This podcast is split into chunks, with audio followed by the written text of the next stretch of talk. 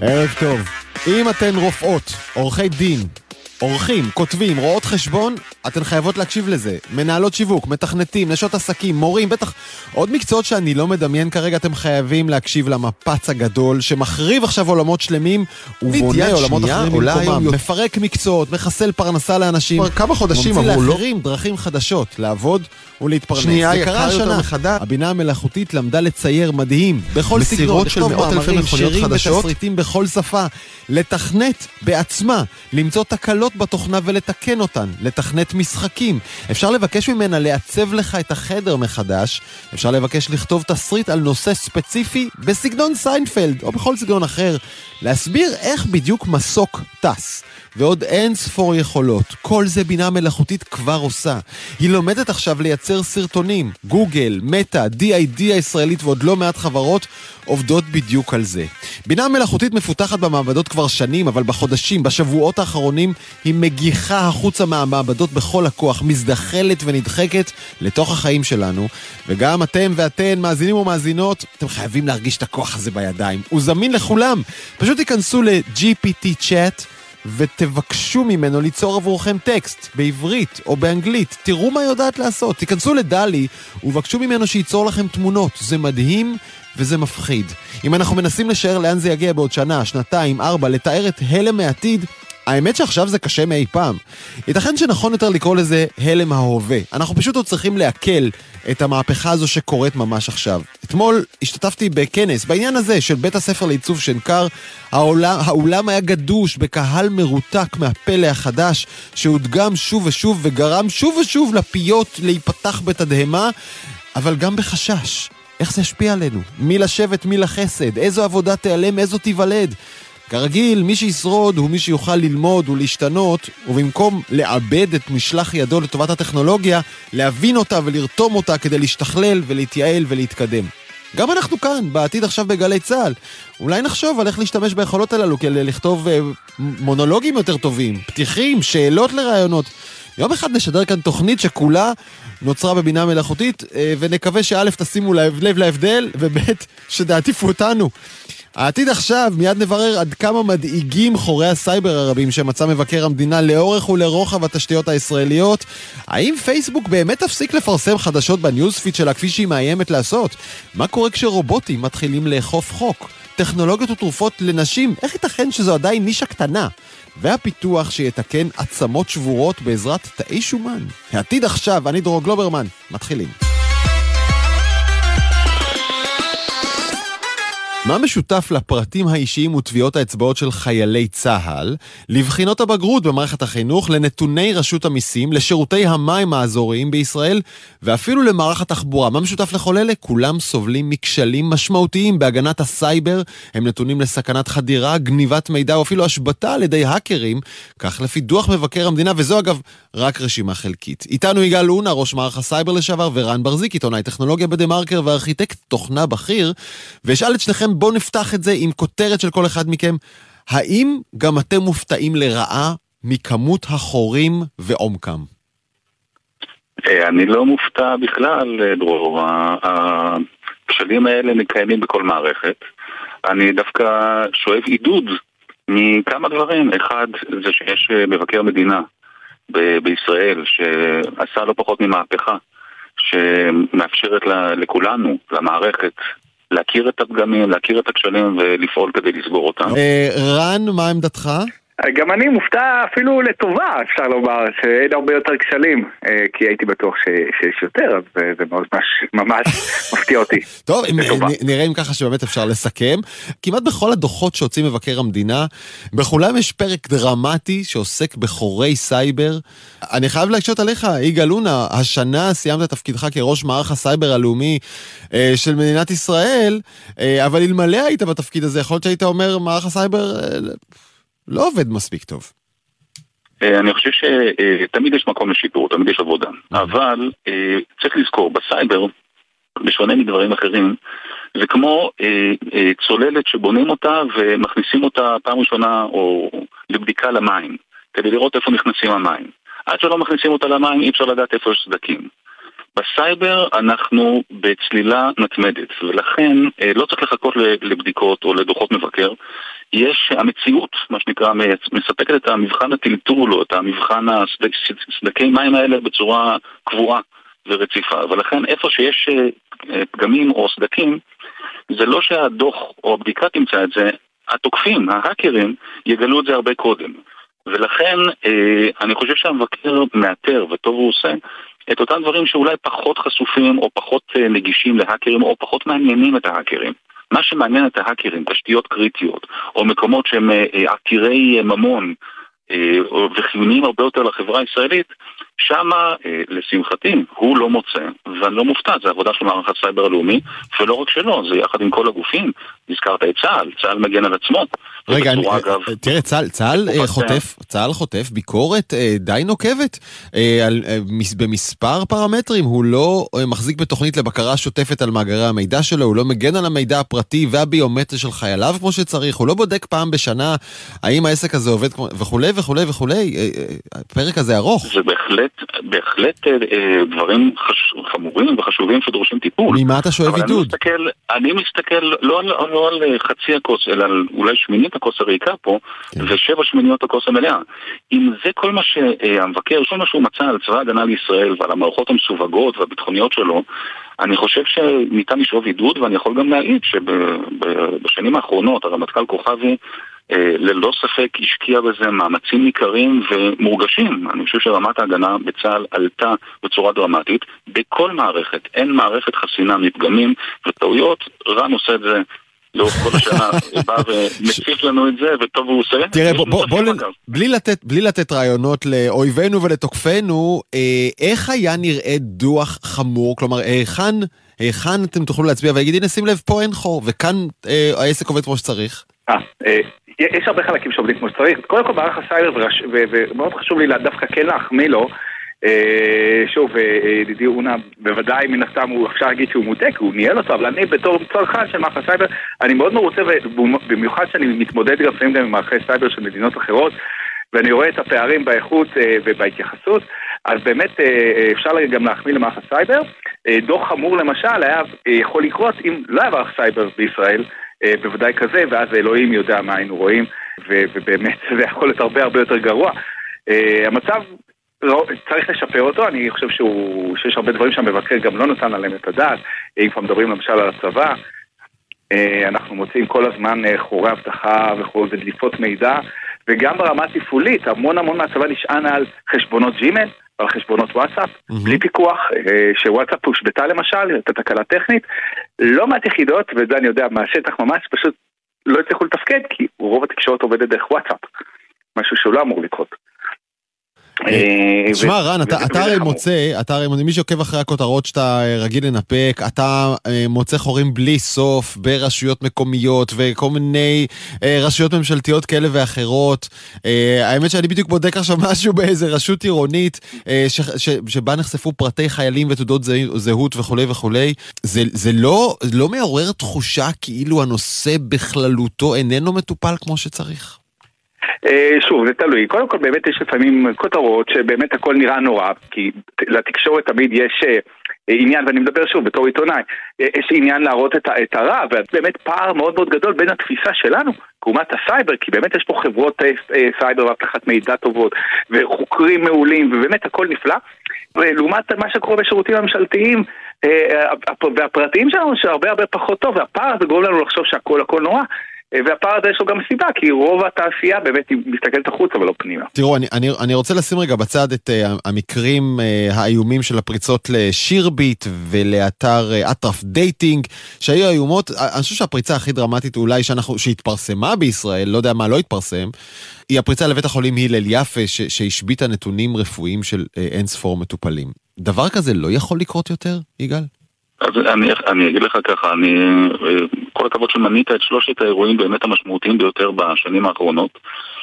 אפשר להתווכח על, על גודל המשמעות שלהם וכמה הם איומים, אבל אין ספק שהם אה, לא היו צריכים לקרות ורע מאוד שקרו.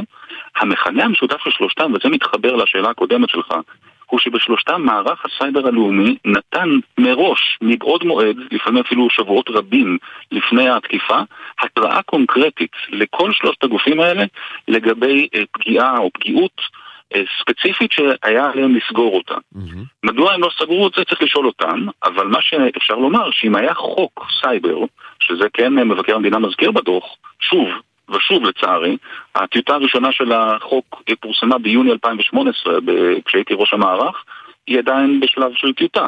אה, לא הייתה כנסת אה, מתפקדת, בוא נגיד ככה, שהצליחה להעביר את זה, וזו אחת המשימות החשובות ביותר והמיידיות לממשלה הנוכחית ולכנסת החדשה, לוודא שזה לא יישאר יותר בגדר וולונטריות, או התנדבות, או אה, אם בא לי ביום שלישי, איך הייתה הפרסומת הזו? כן. אז לא, צריך את לא. הסמכויות האלה, צריך את סמכויות למדינה, כמובן תחת ריסונים ובלמים, לחייב גופים שמקבלים התראה על פגיעות ספציפית, לסגור את זה, אחרת הרבה מאוד אנשים אה, עלולים להינזק. תראו, אני חושב שב... הזכרת את הרשויות המקומיות, כן. חשוב לומר, זה עלה בדוח מבקר קודם, אני לא חושב שזה תוקן. אז אה, זה, אם, אם שאלת מה תהיה הכותרת או מה הדבר המשמעותי הבא שצריך לטפל, זה הדבר הקודם שעוד לא טופל. תראו, אני חושב שבעשורים האחרונים, אה, לפחות אלה שאני מודע אליהם, אה, אחת הבעיות שעולם הסייבר סובל ממנו זה היעדר המוחשיות. כשפצצה מתפוצצת חס וחלילה, הנזק ברור, הנפגעים מול העיניים. אה, ובסייבר, עד שלא קורה נזק, אתה מתקשה לדמיין את עומקו, וגם כשהוא קורה, לא תמיד, אתה, אתה, אתה, לא תמיד הוא מוחשי מספיק. אה, נדמה לי ש, שבפרמטר הזה, 2022 לא טובה יותר משנים קודמות. כלומר, זה לא שהציבור ומקבלי ההחלטות ערים יותר, או חוששים יותר, או לוחצים יותר לתיקון מצבנו בעולם הסייבר. כן, למרבה הצער זה באמת נכון, המון אנשים, כל פעם שיש נחשפת איזושהי דליפת מידע משמעותית, לפעמים של פרטים מאוד אישיים, תמיד שומעים את התגובה הקבועה, מה אכפת לי, הסינים והרוסים יודעים עליי את הכל, מה שבאמת אה, הוא לא נכון, אה, ובאמת מתקשים להבין לפעמים את הקשר בין זה שגנבו לאימא שלי כרטיס האשראי, או בין זה שאני מקבל המון המון אסמסים שהם סקם ו- ופרסומיים. לבין באמת דליפות המידע שיש, או, או למשל כל מיני כשלים שאנחנו נתקלים בהם, לבין זה שבאמת יכול להיות שמדובר בהתקפת סייבר, אנחנו לא, לא רואים את זה ומאוד קשה לתקשר את זה, זה נכון. כן. אה, אז, אז, אני חושב שאגב, זה, זה אה, ייחודי לישראל, כי בעולם הרבה יותר מורגש, עכשיו בהודו יש בית חולים אה, מרכזי בדלהי שמושבת כבר אה, שבועיים, אה, שם יש הרבה יותר אה, הרגשה של הציבור שזה רע מאוד, ולכן החקיקה שם גם הרבה יותר מתקדמת. אולי זה עוד אינדיקציה לכך שאנחנו אולי אומת סייבר, אה, שמצבנו יותר טוב, זה שפה לא קורים דברים כאלה כי יש מערך סייבר ויש היערכות יותר טובה, אבל אסור להיות שאננים, כי זה עלול להגיע, כי אנחנו הרבה יותר מותקפים, אני אומר את זה באחריות, ישראל הרבה יותר מאוימת ומותקפת מאשר כל מדינה אחרת היום בעולם. מאשר כל נכון. מדינה אחרת בעולם, אה, אה, נדמה לי שראיתי, המספרים הם, הם, הם עשרות או מאות תקיפות לדקה? 24-7? כל זה מי נכון? ש- כל מי שמרים שרת, כן, כל מי שמרים שרת דרך אגב יכול ממש לראות את זה, להרים שרת ישראלי ורק פשוט לראות את כל הלוגים מיד, זה קורה מיד דרך אגב, מאות ב- ב- ביום לאתרים קטנים, ממש ככה. תגידו מניסיונכם, הסדקים שעליהם הצביע מבקר המדינה ואיתם פתחנו את השיחה הזאת, הגנה על בחינות הבגרות, הגנה על הפרטים אה, של חיילי צה"ל, אה, מערך התחבורה ומערך מערך המים של ישראל, שחשופים לפי מבקר המדינה לתקיפות יותר מכפי שאמורים להיות. אה, כעת אם, מתפרס, אם אה, התפרסם הדוח הזה, האם החורים הללו יתוקנו או שאנחנו נחכה איתם גם לדוח הבא?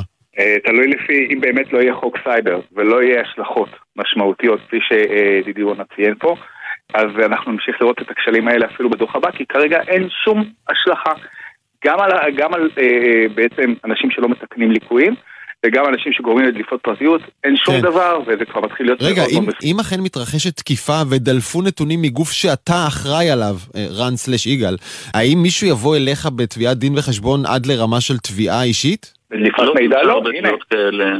זה, זה די לקונה. אבל אה, בואו לא נחכה לתביעות. אה, לכל אחד מהגופים האלה שמבקר המדינה מבקר, יש שר אחראי. היה, עדיין יש, ויהיה בקרוב כנראה שר חדש, או שרה. אנחנו צריכים כציבור היום לדרוש מהשרים, מהממשלה החדשה, לתת את התעדוף, לא לחכות לתביעות, לא לחכות לאחריות, אלא שיבינו השרים ותבינו הממשלה, אגב, לרובם זה אלה שכבר מנוסים והיו בממשלות קודמות מכירים את זה, לתת את המשאבים, לתת את הקשב ולדרוש מהצוותים שלהם לעשות לא רק מה שמופיע בדוח המבקר, אלא מה שהם מכירים, מה שרן מפרסם כל הזמן, מה שמערך הסייבר מתריע בפניו, זה עבודה סיזיפית, קבועה, שלא רואים הרבה שכר בצידה, רק לא רואים את הנזק חלילה שיקרה אם לא משקיעים את העבודה ואת המאמץ הזה. כן, וכדי לתת אולי צבעים אה, על הנזק הפוטנציאלי, ובזה נסיים, אה, דמיינו פריצה למערך המים של מדינת ישראל, שיכולה להיגמר בחומר שדולף אליו בכמויות אה, לא בריאות, שלא לדבר על מערך התחבורה, את זה באמת אפילו הדמיון מתקשה לסבול. רן ברזיק, יגאל אונה, תודה רבה לכם על השיחה הזאת. רע גם אם אתם רגילים לקרוא חדשות בפיד הפייסבוק שלכם, ייתכן שתיאלצו להיגמל מההרגל הזה, כי מטא, החברה האם של פייסבוק, מאיימת להפסיק לפרסם חדשות בפיד שלה, בארצות הברית לפחות. למה? זו התגובה שלה לחוק חדש שמקדם הקונגרס שנועד לאלץ אותה, את גוגל וחברות אחרות, לחלוק הכנסות, פשוט לשלם ליצרני חדשות, לכלי תקשורת ולמוציאים לאור, בעיקר הקטנים והמקומיים. ערב טוב, גיא רולניק, מרצה לאסטרטגיה עסקית באוניברסיטת שיקגו, והעורך המייסד של דה מרקר כאן בארץ. גיא, שלום.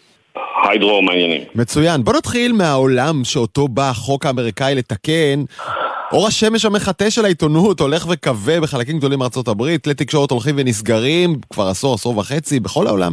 זו באמת באשמת הפיד של פייסבוק? אה, כן, התשובה היא כן, התשובה היא אה, כפולה. אה, זה לא רק פייסבוק כמובן, זה גם גוגל, אבל בגדול פייסבוק וגוגל הם דואופול, הפכו לדואופול.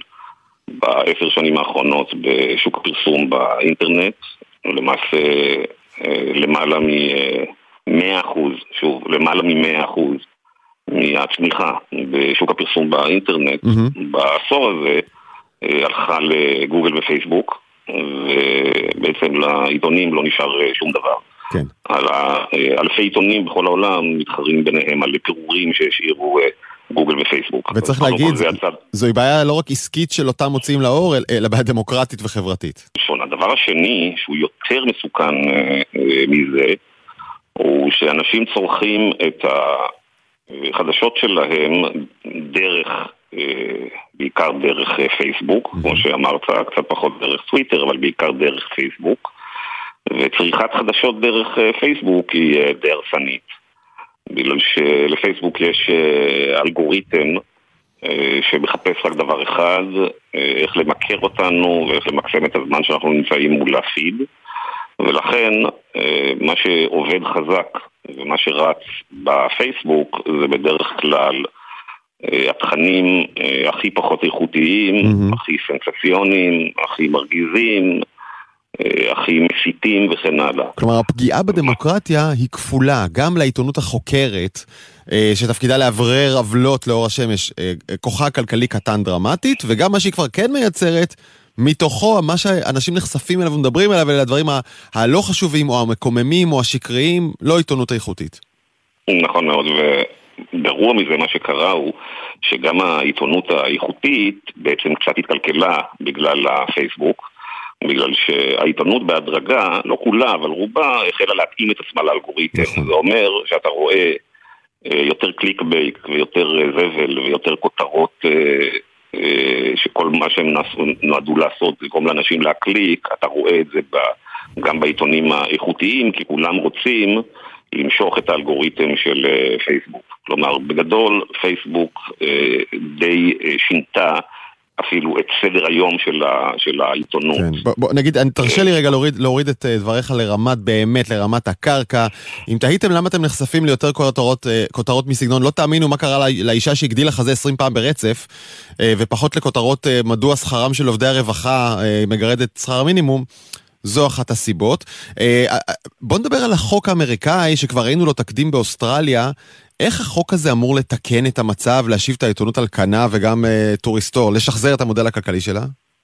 החוק הזה לא יתקן, בגלל שהחוק הזה uh, יתקן רק חלק קטן מאוד, ואת החלק השני הוא אולי uh, יחמיר. Mm-hmm. Uh, מה שהחוק uh, עושה בעצם באוסטרליה, שם זה כבר הופעל לפני כשנה וחצי, הוא שהוא קובע שהעיתונים, כל, כל עיתון אה, בודד הוא כמובן מאוד חלש מול אה, פייסבוק וגוגל ולכן למעשה, כיוון שפייסבוק וגוגל הם אה, דואופול, הם לא שילמו כלום לעיתונים והעיתונים היו צריכים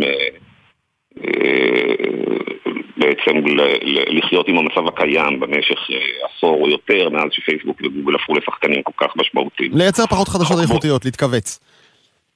כן, והחוק באוסטרליה בא ואמר, אה, גוגל ופייסבוק חייבות לנהל משא ומתן עם המו"לים של העיתונים על תשלום, ואם לא מצליחים להגיע להסכם אה, שמקובל על שני הצדדים, כמה משלמים, אז הממשלה מתערבת, הרגולטור אה, מתערב וקובע את המחיר. תראה, אתה, אתה מסכים, גיא, שיש בזה משהו לא נורמלי, שאנחנו התרגלנו לצרוך חדשות דרך הפיד של פייסבוק, אנחנו רואים את הכותרת, לפעמים מסתפקים בה, ובעצם צרכנו תוכן שמישהו ייצר, אבל הכסף הולך לכיס אחר לגמרי. פייסבוק מתעשרת והעיתונאי uh, מתענה.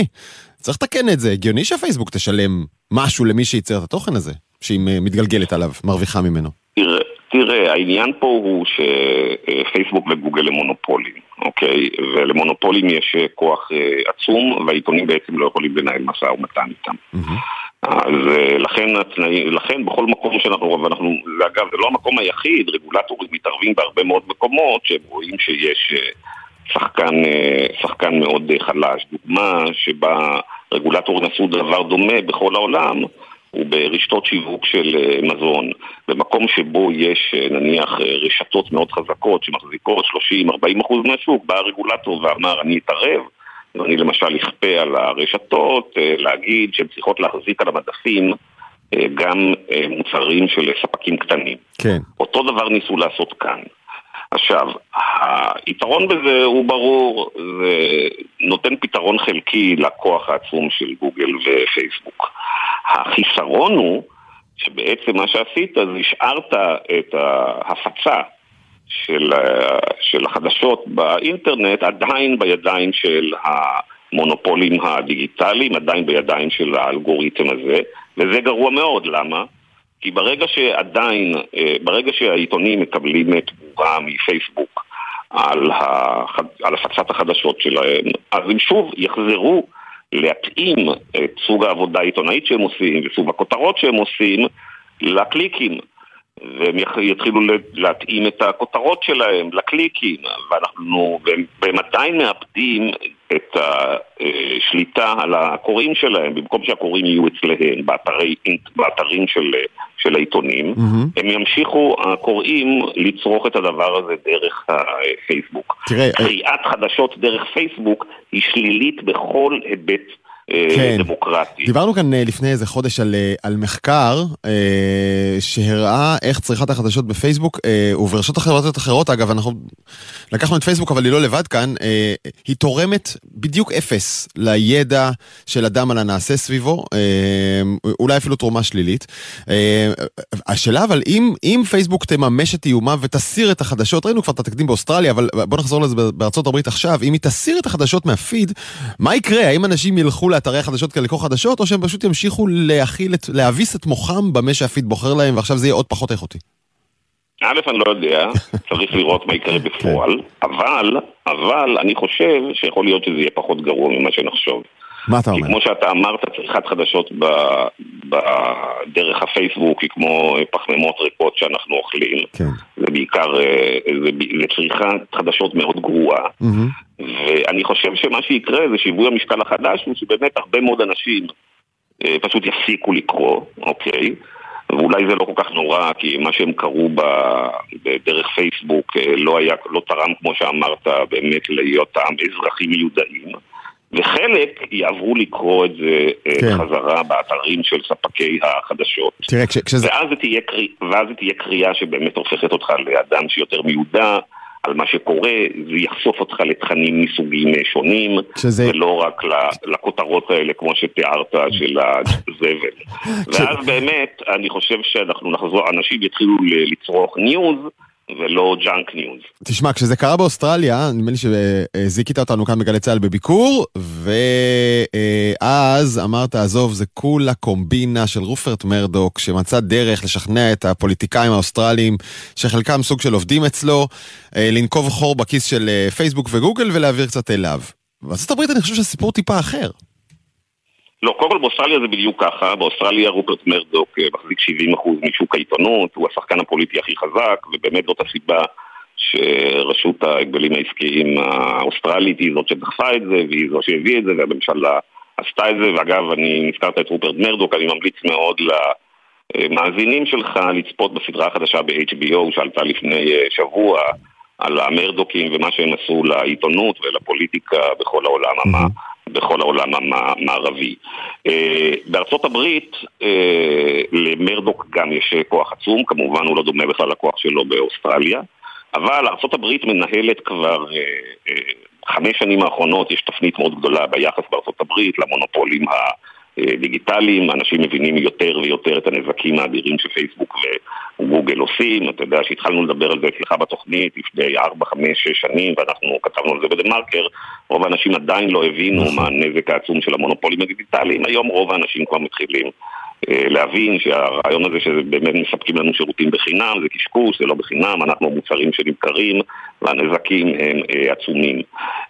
בארצות הברית מונו שני רגולטורים מאוד שהם אנטי ביג טק והם מאוד בעד תחרות ונגד חברות גדולות על ידי הנשיא ביידן. זה ג'ונתן קנטר שמונה להיות אחראי על ההגבלים העסקיים במשרד המשפטים וזה לינה קאן שמונתה להיות יושב ראש ה-FTC, זה רשות התחרות והשניים האלה מנהלים קרבות ותביעות נגד המונופולים הגדולים ובקונגרס רצות כמה הצעות חוק להקטין את הכוח של המונופולים הדיגיטליים. ההצעה החשובה בנושא הזה כמעט עברה לפני חודש אבל בינתיים צ'אק שומר מהדמוקרטים מעכב אותה כבר כמה חודשים בין השאר בגלל לחצים ותרומות אדירות של כסף שגוגל ופייסבוק כן. מעבירות uh, לדמוקרטים, זה עדיין לא עבר, אנחנו מחכים לדבר הזה כבר uh, תקופה ארוכה. אז תראה, אני, אני רוצה לשאול אותך על ישראל ברשותך. מול גל החקיקה, גם האירופי וגם האמריקאי, באמת מזמן לא הרגשתי עד כמה ישראל מאחור ביחס לענקיות הטכנולוגיה, שמזיקות למשק ולדמוקרטיה הישראלית בדיוק באותו אופן, אם לא יותר. ואני רוצה לשאול אותך בקצרה, מה צריך לעשות כאן? האם לעשות קופי-פייסט לחוק האמריקאי, או לנקוט שיטה אחרת לגמרי? תשמע, בישראל צריך לעשות קופי-פייסט לחוקים האירופאים ולחוקים האמריקאים, וצריך לנהל חקירות. הכוח של גוגל ופייסבוק בישראל הוא עצום, הם בעצם שאבו את כל שוק הפרסום הישראלי בשנים האחרונות. כמות הזבל והג'אנק שאנחנו רואים ברשתות החברתיות בישראל הוא מזעזע. כל מה שנשאר מהעיתונות הישראלית שממילא עלובה כי היא נשלטת על ידי טייקונים עוד הם הרסו את זה אבל בדיוק כמו שאמרת, בישראל המצב הוא קטסטרופלי זה אחת המדינות הבודדות בעולם שהממשלה עושה אפס עגול מול המונופולים הדיגיטליים. כן. אני לא חושב שיש עוד מדינה בעולם שמגלה יחס כזה, וגרוע מזה, אנחנו ראינו את זה, שבעצם הפוליטיקאים הישראלים, וזה כמובן נתניהו ובנט ולפיד, רק מתרפסים, תסלח לי על הביטוי, בפני המונופולים הדיגיטליים, כי הפוליטיקאים הישראלים, מאוד נוח להם שהם מגיעים ישירות לציבור באמצעות המונופולים הדיגיטליים, והעיתונות אה, נחלשת. למה לפוליטיקאי ישראלית לענות, לענות על שאלות קשות של, אה, של אה, עיתונאים? הוא תמיד מעדיף לדלג להם מעל הראש ישירות. אנחנו רואים את כל הפוליטיקאים הישראלים אה, עושים את זה. אנחנו ראינו בשעתו, אם אתה זוכר, שנפתלי בנט היה ראש ממשלה, איך הוא רץ כמו, יחצ... כמו אחרון היחצנים למשרדים של פייסבוק, mm-hmm. כדי להשתתף באיזה קמפיין נכון. שלהם, במקום שהם יבואו אליו. אנחנו ראינו אצל נתניהו איך אה, הלוביסטית של, אה, של פייסבוק הייתה מקורבת ל... לרון דרמר, לשגריר ישראל בוושינגטון, כלומר השבי של הרגולטורים והפוליטיקאים הישראלים בידי ה... ביג טק בידי פייסבוק וגוגל הוא ברמה הגבוהה ביותר. כן, ואתה יודע, אני מסתכל על הקנסות שמושתים עליהם השכם והערב באמת בכל מדינות העולם, באוסטרליה, באירופה, על מדינות ספציפיות באירופה, בארצות הברית, קנסות אדירים. בישראל לא ראיתי ששילמו שקל על אותן עבירות, אבל אני חוזר איתך באמת לשאלה איתה התחלנו, בוא נסיים איתה. אה, האם כשאם חוק כזה, גיא, יעבור אה, כאן בישראל, אה, אולי נצליח להעשיר מעט את כיסם של המו"לים הישראלים, אבל את בעיית החדשות הווירליות רק נחריף, כמו שאמרת. נכון, ולכן אם אנחנו רוצים באמת טיפול אה, שורש לבעיה הזאת, אז אנחנו צריכים למצוא דרך אחרת. אנחנו צריכים לנתק את המו"לים הישראלים ואת העיתונות הישראלית על כל חלקיה מההתמכרות לקליקים שהרסה את העיתונות בשנים האחרונות. אנחנו צריכים להבין שעיתונות תחקירים שמבקרת את מוקדי הכוח, היא לא מוצר פרטי אלא. מוצר uh, ציבורי. ואנחנו צריכים לממן אותה באמצעות מימון, מימון ציבורי. כן. זה הפתרון ארוך הטווח היחיד שיש. אם אנחנו רוצים שתהיה כאן עיתונות שמבקרת את לימודי הכוח. וברמה של מזווית הצרכן, שזה אה, מאזינינו ומאזינותינו, אנחנו היינו רוצים אולי לא שפייסבוק תזרוק החוצה את החדשות מהפיד, אלא שהמו"לים ימשכו את החדשות שלהם ויגידו, אנחנו לא נאה לנו להתפרסם במקום הזה, אנחנו רוצים לייצר חדשות איכותיות שתורמות גם לדמוקרטיה וגם לכיס שלנו. גיא רולניק, תודה רבה על השיחה הזאת. בבקשה.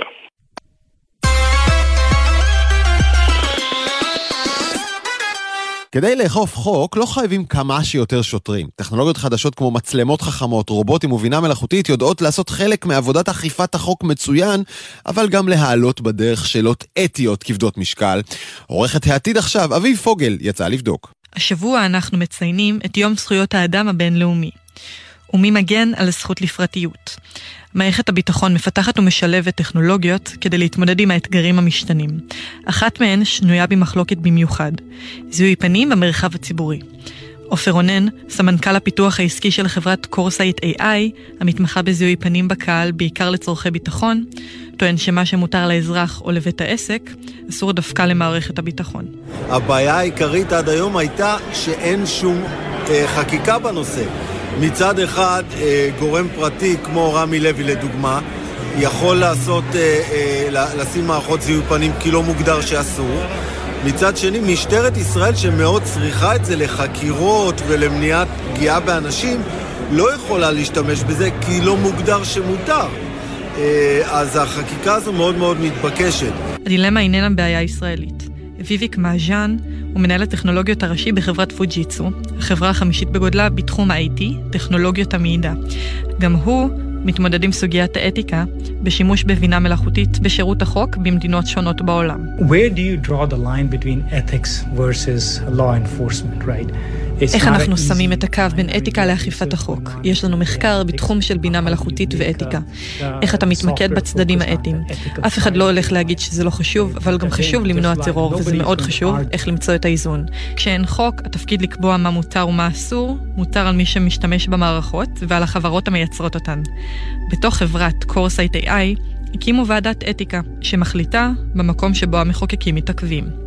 נשמע מוזר כשחברי כנסת ופרלמנטים ברחבי העולם מחליטים, יש חברות שמנצלות את החור, ויש כאלה שנאלצות לגלות אחריות ציבורית עודפת. הדוקטור לירן אנטבי, מנהלת תוכניות טכנולוגיות מתקדמות במכון למחקרי ביטחון לאומי, חושבת שכך או כך מדובר בבעיה הולכת ומחמירה ככל שהטכנולוגיה מתקדמת. בהקשר הזה ראינו לפני מספר שנים, עדיין בתקופת ממשל טראמפ, את חברות הטכנולוגיה הגדולות בעולם אה, יוצאות בהצהרה שהן לא תמכורנה אה, מערכות בינה מלאכותית לשימוש כוחות אכיפת החוק, בגלל שהכוחות האלו לא מבינים את ההטיות הגלומות באותן מערכות, אבל הדברים ממשיכים להתקדם והטכנולוגיה מתפתחת אה, בקצב המהיר ביותר. בהיסטוריה, בזמן שמערכות אכיפת החוק, הרגולציה וגם מי שכותב את הקודים האתיים אה, פועלים עדיין אה, בקצבים מעט איטיים יותר, וזה יוצר פער לא קטן ומאוד בעייתי. אבל אתיקה היא לא דבר חד משמעי. לדברי מאז'אן מפוג'יצו, בכל מדינה מתמודדים איתה אחרת. Each country and each, uh, לכל מדינה ולכל מקום יש את הערכים שלו. אני לא חושב שיש דרך אחת לכולם בהקשר של אתיקה. כל ממשלה צריכה להחליט איך הם מתמודדים עם זה. לדוגמה, אתה יכול לשאת נשק בארצות הברית, אבל אתה לא יכול לשאת נשק ביפן. והדיון הזה נהיה מאוד סובייקטיבי, ואין שחור או לבן. וכשמערבבים טכנולוגיה, אתיקה וחוק גם מיליוני דולרים, מתברר שלחברות הטכנולוגיה יש שיקול דעת מכריע ודרמטי. איך פותרים את זה? עופר רונן מצביע על בניין הכנסת. מאוד מאוד חשוב שסוף סוף הפוליטיקאים בישראל יגדירו ויחוקקו מה מותר. כי יש חיי אדם שאפשר להציל. הפיגועים שהיו, הלינצ'ים שהיו, ילדים שנעלמים. אפשר להציל חיי אדם בזיהוי פנים בלי לפגוע בזכויות של אה, פרטיות של אנשים. יש דרכים, יש פתרונות טכנולוגיים, אבל שום דבר לא יזוז לפני שתהיה חקיקה מוסדרת. ומה הלאה? במשרד החדשנות, המדע והטכנולוגיה שוקדים על מסמך אתיקה בתחום הבינה המלאכותית. אבל גם בו מדובר בהמלצות לא מחייבות. רק בשבוע שעבר דיברנו על הפרסום של תומר גנון מכלכליסט, על אלגוריתם משולב הבינה המלאכותית, שבו משתמשת המשטרה בנמל התעופה בן גוריון לאיתור מבריחי סמים. כאשר לחשודים לא ניתן הסבר מדוע עצרו דווקא אותם. איפה עובר הגבול בין ביטחון, אכיפת החוק, לזכויות האזרח? עוד בשבוע שעבר דיברנו על כך שמשרד המשפטים מקדם תקנות פרטיות חדשות, אבל רק לאזרחי אירופה בתחומי מדינת ישראל. כך אמר ניר גרסון, סגן היועץ המשפטי של הרשות להגנת הפרטיות, בריאיון לעתיד עכשיו בשבוע שעבר. התקנות האלה הן לא סוף פסוק. אנחנו במשרד המשפטים ברשות להגנת הפרטיות בהחלט חושבים שצריך לערוך תיקון משמעותי בחוק הגנת הפרטיות. דיברנו על הצעת חוק שנדונה השנה והגיעה לשלב מתקדם בוועדת חוקה בכנסת. היא מדברת על הוספת סמכויות, כולל הסמכות להטיל קנסות, עיצומים בגובה של מיליוני שקלים. אנחנו מתכוונים להמשיך לדון בה גם בכנסת הנכנסת, צריך לתקן את החקיקה. Every breath you take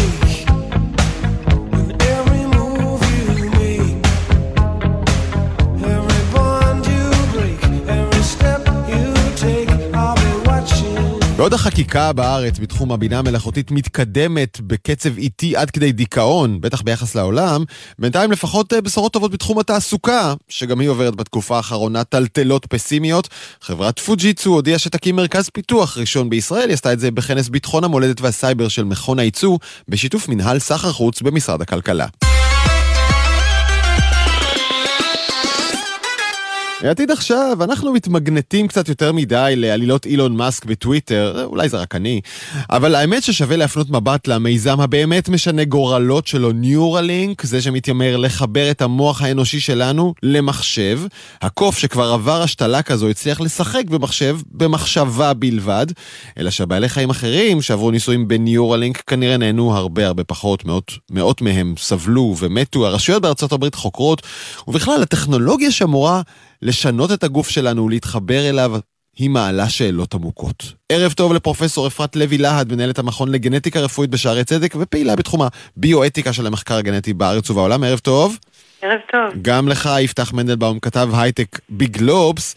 בוא נתחיל רגע עם הסיפור של ניורלינק. Uh, uh, יש לרשויות האמריקאיות ממש תלונות על החברה הזו, נפתחה חקירה. נכון, ערב טוב. Uh, אז בעצם משרד החקלאות האמריקאי אה, שהוא אחראי לאכוף את החוק נגד התעללות בבעלי חיים בניסויים בארצות הברית. פתח בחקירה כך על פי דיווח ברשת רויטר, בסוכנות ידיעות רויטר בארצות הברית. אה, באותו דיווח מתואר גם, מתוארים עשרות ומאות מקרים של אה, מוות מיותר של בעלי חיים, יש מצטטים עשרות עובדים שעבדו בחברה בעבר, והם מתארים מוות מיותר של 1,500 בעלי חיים במהלך ניסויים משנת 2018. אוקיי, okay. בוא, בוא נסביר רגע מה עושה ניורלינק ולמה זה חשוב. כמובן פרופסור לוי לאד מוזמנת מאוד uh, להשתלב. Uh, אז ראשית אני אתחיל, אני רק אספר שניורלינק בעצם מפתחים שבב מיוחד uh, בשם M1, שהוא אמור להיות מותקן במוח של בני אדם, ובעצם לעקוף או לתקן בעיות נוירולוגיות שיש. למשל, לאפשר לאנשים שאיבדו את היכולת ללכת, ללכת פעם נוספת, לאנשים שאיבדו את יכולת הראייה, לראות שוב. אה, נשמע כמו באמת אה, פיתוח שישנה גורלם אה, של רבים. גם את עולה בו תקוות כאלה, פרופסור אה, אפרת לוי? אני חושבת שאני עשיתי אולי רגע את המבט מהמקרה הספציפי, להסתכל יותר מלמעלה. אני חושבת שהנושא הזה של שילוב אדם ומכונה זה אחד האתגרים הביואטיים המשמעותיים שעומדים לפתחנו, וסיפור כמו הסיפור הזה גם מראה את החשיבות של רגולציה, ואנחנו באמת uh, מתעתדים לדון על כל הנושאים האלה בכנס שייערך uh, בשבוע הבא, מיום שני עד יום רביעי, uh, כנס משותף של האקדמיה הלאומית הישראלית למדעים mm-hmm. במכון ון ליר בירושלים, שבואו ננסה לחשוב מה צופן העתיד ב-2050. בסוגיות הביואתיות, וואו. ואין לי ספק אז... שהממשק אדם-מכונה יהיה אחד הנושאים החשובים. אז עוד רגע נגיע אה, גם, גם לממשק אדם-מכונה וגם לנושאים אחרים, אה, אבל עוד שנייה לפני שניפרד מניורלינק ונתקדם, אם מה שעושה החברה הזו עשוי לשנות גורלות של כל כך הרבה אנשים, אה, ולחיוב כמובן, זה משפיע על כמות, סליחה על השפה שלי, כמות בעלי החיים שמותר לה לבזבז? אני חושבת שאף אחד מאיתנו לא חושב ש... שהמטרה מקדשת את כל האמצעים, ואסור שזאת תהיה הגישה שלנו מבחינה אתית. ולכן באמת אה, קיימת רגולציה של אה, מחקרים, בוודאי במעלי, בבעלי חיים. Mm-hmm. והמטרה והשאלה הרבה פעמים זה האם זו הדרך היחידה להגיע למטרה שאנחנו רוצים, והרבה פעמים יש דרכים אלטרנטיביות שהן הרבה פחות אה, פוגעניות. אה, ולכן חשוב אה, לבחון כל מקרה לגופו ולראות שלא נעשה באמת אה, שימוש לרעה. כן, נפתח, הפיקוח האמריקאי על, על היכולת לבצע ניסויים בבעלי חיים הוא אולי לא מספיק אה, עמוק. באופן כללי יש פיקוח מאוד הדוק, אני רק אגיד שבארץ אנחנו אפילו במצב שיש לנו חוק אה, לגבי ניסויים בבעלי חיים, אבל אין לנו עדיין חוק לניסויים בבני אדם. כך שדווקא יש רגולציה בהחלט, אה, הייתי אומרת, אה, רצינית, ואם יש אה, כישלון באכיפה, זה בעיה שצריך אה, לב- לברר אותה. כן, אה, יש ממש בטענות כלפי ניורלינק, יפתח? אז כן, ב- בפברואר האחרון עלו כבר טענות של עובדים בחברה. בכלל, לאורך השנים האחרונות יש מספר דיווחים של עובדים בחברה שבאו והתלוננו על העניין הזה. אני רק ארצה להתייחס למה שאמרתם קודם. מספר בעלי החיים שהומתו בעצם במהלך הניסויים, זה גם מצוין בכתבה, זה לא בהכרח אומר שזה הרבה או קצת, והם לא באמת אומרים את זה. כלומר, הטענה היא שהרבה מאוד חיות הומתו בגלל האצה של הניסויים, בגלל לחץ שהפעיל אילון מאסק להתקדם. אה, סתם לשם השוואה, יש חברה שוויצרית מתחרה של נוירלינק, שבמהלך הניסויים שלהם, והם כבר בשלב יותר מתקדם, אה, המיתו באזור ה-80 חיות בלבד. אני מכיר נוירלינק זה 1,500. אוקיי, וצריך להגיד, אה, אה, ניורלינק הכריזה ממש אה, שבוע שעבר, אם אני לא טועה, שבששת החודשים הקרובים מתכוונת לגשת לניסויים בבני אדם. איך זה עובד? מי הוא אותו אדם שיסכים להיכנס מתחת לרובוט האימתני הזה שבנו אנשיו של אילון מאסק, ויגיד, אין בעיה, תפתחו לי את המוח ותשתילו פנימה אלף ומשהו אלקטרודות ממש לעומק המוח שלי. מי זה יהיה? איך בוחרים אותו? אני חושבת שקודם כל, אני שוב לא מכירה את המקרה של החברה הספציפית הזאת, אבל אני אגיד אה, באופן כללי, אדם ש... אה, קודם כל הניסוי צריך לעבור אישורים של הגופים הרגולטוריים השונים, ובארץ זה ועדות הלסינקי, אה, בארצות הברית זה בנוי, זה נקרא Institutional Review Boards, IRBs, ובעצם הם אמורים לבחון את הניסוי ולראות מה פוטנציאל הנזק לעומת פוטנציאל התועלת. עכשיו, בכל ניסוי בבני אדם, יש נזק לעומת תועלת, והמדד הזה הוא גם מאוד תלוי בחומרת המצב אצל אדם, אה, ויש הרבה דברים שמתחילים את הניסויים באנשים שהם, אה, אה, בוא נגיד, במצב סופני או קרוב לסופני של, של מחלה, ורק לאט לאט מתקדמים לאחור לאנשים שהם בעלי מחלה יותר קלה, זה כמובן תלוי בפוטנציאל הנזק של הניסוי. כלומר, צריך, צריך להגיד את זה... פוטנציאל נזק גבוה, אני מניחה שמי שיתנדב אליו יהיה אדם שבאמת אה, אה, יש לו בעיות אה, קשות ביותר. בעברית רק אגיד- פשוטה, אין לו הרבה מה להפסיד. כן, אבל גם אדם שאין לו הרבה מה להפסיד, אני, זה ניסוח קצת אה, קיצוני, אבל אני חושבת שגם אדם כזה צריך לקבל את ההחלטה בצורה שאנחנו קוראים לה הסכמה מדעת. הרבה אנשים חושבים על הנושא של הסכמה שזה כמו חותמת על אה, איזה טופס בבנק, זאת לא הכוונה, אלא הכוונה באמת לוודא שהאדם מבין מה המשמעויות ומה הסיכונים שיכולים נכון. להיות אה, כרוכים. ו- אני ואגב, רק אגיד אם- שהרבה אם- אנשים מוכנים להיות ראשונים בכל זו, מיני דברים זו היום. הייתה השאלה שרציתי לשאול אותך. אם בא אדם שהוא אולי בריא לחלוטין, אה, בגופו על כל פנים, ו- ונורא מתלהב מהרעיון שהוא יוכל באמצעות מ- מוחו לשלוט במחשבים ובאביזרים וברובוטים, ואומר, לא אכפת לי הסיכון, תשתילו. אה, ימנעו זאת ממנו? אני חושבת שכן. אמ, זה כמו- אה, אנחנו גם לא מרשים לאנשים לה- להסתכן בכל מיני דברים אה, אה, אחרים. אבל שוב, לכל מחקר אמורים להיות קריטריונים מאוד ברורים של מי יכול להיכנס למחקר ומי לא יכול להשתתף במחקר. אבל אני כן אגיד שמבחינת אתה אומר למה אני אהיה האדם הראשון בעולם, תחשוב על האדם הראשון שיצא בחללית מחוץ לכדור הארץ, למה שהוא יעשה את זה? גם יכול להיות לו פוטנציאל. אנחנו לא. שולחים לשם חולה סופני. מה? אנחנו לא שולחים לא, לחלל חולים סופניים. רצו לשלוח מישהו שישרוד את, ה, כן. אה, את המסע. אה, שאל- אבל כמובן ש... שאלתי לא אגב דבר- את, ה, את החיילים ההרפתקנים שלנו כאן בגלי צה"ל מעבר לשמשה, הם רגילים בסיכון גבוה. אה, מי מוכן אה, לקבל שבב במוח שאפשר לשלוט במכשירים, ואולי אפילו לחפש בגוגל רק במחשבה, אפס ידיים יתרוממו באוויר. מעניין אותם, ראשונות, ראשונות אף אחד פה לא רוצה להיות. אפשר, לה, אפשר שמחה להבין אותם. שמחה לשמוע. אני שמחה לשמוע שנותר common sense אה, אבל, אבל בואו. נסתכל רגע ברשותכם מעבר לניורלינק. הלוא מדע הרפואה עובר בשנים האחרונות ובחודשים האחרונים קפיצה מטורפת, הרבה בזכות שימוש בביג דאטה. כלומר, אם אפשר לנתח מידע של מיליוני מטופלים, אז אפשר גם בסבירות גבוהה להגיד לי אישית מה עלול לקרות לי, ולתת לי טיפול מותאם אישית שמותאם ל-DNA שלי ולגוף שלי ולמקרוביום שלי. יש בזה בעיות? ראשית אני אגיד שאנחנו בעצם עוד לא שם, מבחינת uh, מספר הדוגמאות שבהם באמת uh, היו שינויים מהותיים בטיפול הוא עדיין, uh, הוא, הוא כל הזמן גדל אבל הוא עדיין קטן. Mm-hmm. יש בזה בהחלט בעיות, אני רוצה להעיר שתי בעיות שפחות מדברים עליהן. כן. אחד, זה צריך לזכור מה המקור של הביג דאטה. כשאנחנו מדברים על נתוני עתק רפואיים, זה בעצם האיסוף של כל התיקים הרפואיים הממוחשבים של כולנו. Mm-hmm. עכשיו, במדינת ישראל ובארצות שבהן יש מערכות אה, בריאות אה, לאומיות, כמו באירופה, בעצם המידע הזה נבנה בזכות, בזכות אה, הכספים שלנו, משלם המיסים. ואחת השאלות החשובות בעיניי זה איך אנחנו מחזירים לחברה את הפירות של הביג דאטה, איך אנחנו דואגים לזה ש...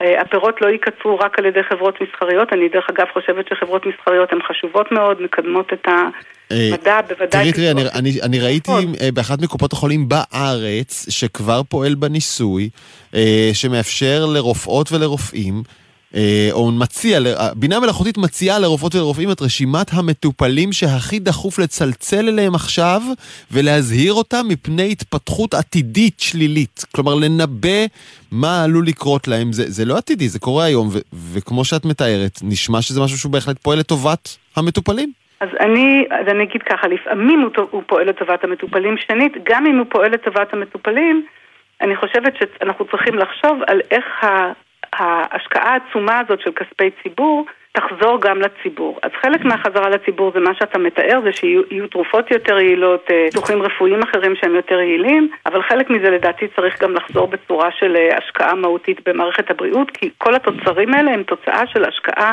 ציבורית רבת אה, שנים. אני רוצה ממש בקיצור ובזריזות לגעת גם בעוד תחום שמשנה באופן דרמטי את הרפואה בשנים האחרונות, וזה הנדסה גנטית של בני אדם, שם קוד קריספר, היכולת לתקן את ה-DNA שלנו ולשלוף ממנו החוצה מחלות ותסמונות. יפתח, זה ממש, זה ממש קורה, נכון? כבר מפותחות התרופות הראשונות שמתקנות DNA של בני אדם. כן, זה ממש אה, דברים שקורים, וזה גם מנגנון אה, מתקדם מאוד שהתחיל להיות מפותח אגב, כבר בשנות ה-80 של המאה הקודמת, mm-hmm. אבל זה כן, זה דברים שאנחנו רואים גם היום, ועריכת גנים ותיקון גנים כושלים או חולים, וזה דברים שמתחילים להיכנס כבר היום להליך הרפואי. וזה מעורר שאלות מילה... אתיות שלא, שלא, זה מעורר שאלות אתיות שלא היו איתנו עד עכשיו? זה ברור, כל עוד אנחנו מדברים על תיקון של, של מחלה, זה כמובן התקדמות פנטסטית. אם אנחנו נדבר על תיקון רק של תאים מסוימים שלנו כדי להפוך אותנו ליותר חזקים, ליותר חכמים, אולי לפתח תכונות מסוימות, כאן מתחילות, אני חושבת, להיכנס שאלות אתיות. אבל השאלות האתיות, הייתי אומרת, העיקריות, המהותיות שדנים בהן, זה השימוש בטכנולוגיות האלה לשנות את תאי המין או לשנות את העובר בתחילת דרכו, זאת אומרת, ממש להנדס את האדם אה, מראש. ופה אני חושבת יש באמת שאלות אה, מאוד קשות. מה, מה, כבר, מה כבר רציתי, פרופסור? רק אני אגיד שמבחינה טכנית אנחנו אפילו עוד לא שם. מה כבר רציתי, פרופסור אפרת לוי להד? אני רוצה בת מתופפת, זה הכל. אם את יכולה לארגן... אתה רוצה בת מתופפת? כן, נורא פשוט. אה, תמצא את הגן לטיפוף, כן. אה, יפתח מנדלבאום ופרופסור אפרת לוי להד, נראה שיש לנו עוד הרבה עבודה לא רק בעולם הרפואה, אלא גם בלהסביר לכל בני האדם מה קורה שם ואיך פותרים את השאלות האתיות המורכבות שהפיתוחים הללו מעלים. תודה רבה, ערב טוב לשניכם. תודה רבה, ערב טוב. ואנחנו שואלים אתכן, מאזינותינו, מאזיננו היקרים, נניח שאלף איש כבר השתילו בהצלחה שבב במוח שלהם והוא מאפשר להם לשלוט במכשירים שונים ולהתחבר ממש לגוגל ולשלוח מסרים לאנשים רק במחשבה. האם אתם מוכנים להיות האלף ואחת? השאלה הזאת מחכה לכם עכשיו באינסטגרם של גלי צה"ל ובזה שלי הפרטי דרור גלוברמן. האם אתם מוכנים להיות המושתל האלף של שבב במוח? ולקראת סיום אנחנו נחפזים אל הדרום, שם ממתין רמי שני, כתב הדרום ומגיש הפודקאסט, מה שקורה מחר, ערב טוב רמי. דרור, ערב טוב לך ולמאזינים ולמאזינות. נניח שאתה גונסלו רמוס, מספר 26 של נבחרת פורטוגל. קל. אתה קונה את התואר הזה? קל, בטח. בטח, אוקיי. גם הוא היה רוצה להיות אני אגב. ברור. שנה מהיום נשברה לך הרגל. הלכה, פקקת. בעוד שלוש שנים עוד משחקי גביע העולם ואתה חייב להיות כשיר. מה עושים? פה צריך פתרון שיסדר לך עצם משופר דשופר. יענו חדשה מהניילון. אז בחברה בחיפה, להלן ישראל, פותח תהליך שיבנה מהר מאוד את רכיב הגוף הזה.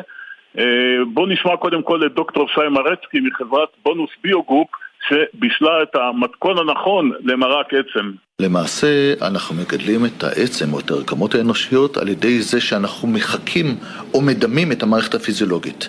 התחלנו בזה שלקחנו דוגמת תאים מהבן אדם. מפרידים משם את מעט התאים שיודעים לבנות רקמה אנושית ומגדלים אותם מחוץ לגוף בתנאים שמדמים את התנאים הפיזיולוגיים. כל מה שיש לנו בגוף שמאפשר לנו לגדול, מאפשר לתאים שלנו להתחלק ולהתרבות ולהתמיין, תמצא במדיום הגידול. וואו, מרק עצם, זה הופך להיות עצם, רמי? זה ממש הופך להיות עצם. עכשיו, על מה מדובר בעצם? המטופל נפרד מכמה תאי שומן, שגם אתה... שגם אם אתה רמוס, יש לך אותם בכמה מקומות בגוף. בסוף נוצר מין סוג של ג'לי שקוף כזה שאותו מחדיר לך הרופא המטפל, ושם בפנים, עם כל הווג'רס של המערכת הביולוגית, החומר הזה מסתדר במקום שהוא צריך, מתחבר אליך by the book, ומשכיח את העובדה שלפני חצי שנה ישבת על הספסל עם מעט מאוד סיכויים לחזור ולהשתלב בנבחרת. על כך ועל דברים רבים נוספים בהסכת מה שקורה מחר במגזין המדעי של גלי צה"ל. רמי שני, תודה רבה. תודה רבה. עד כאן העתיד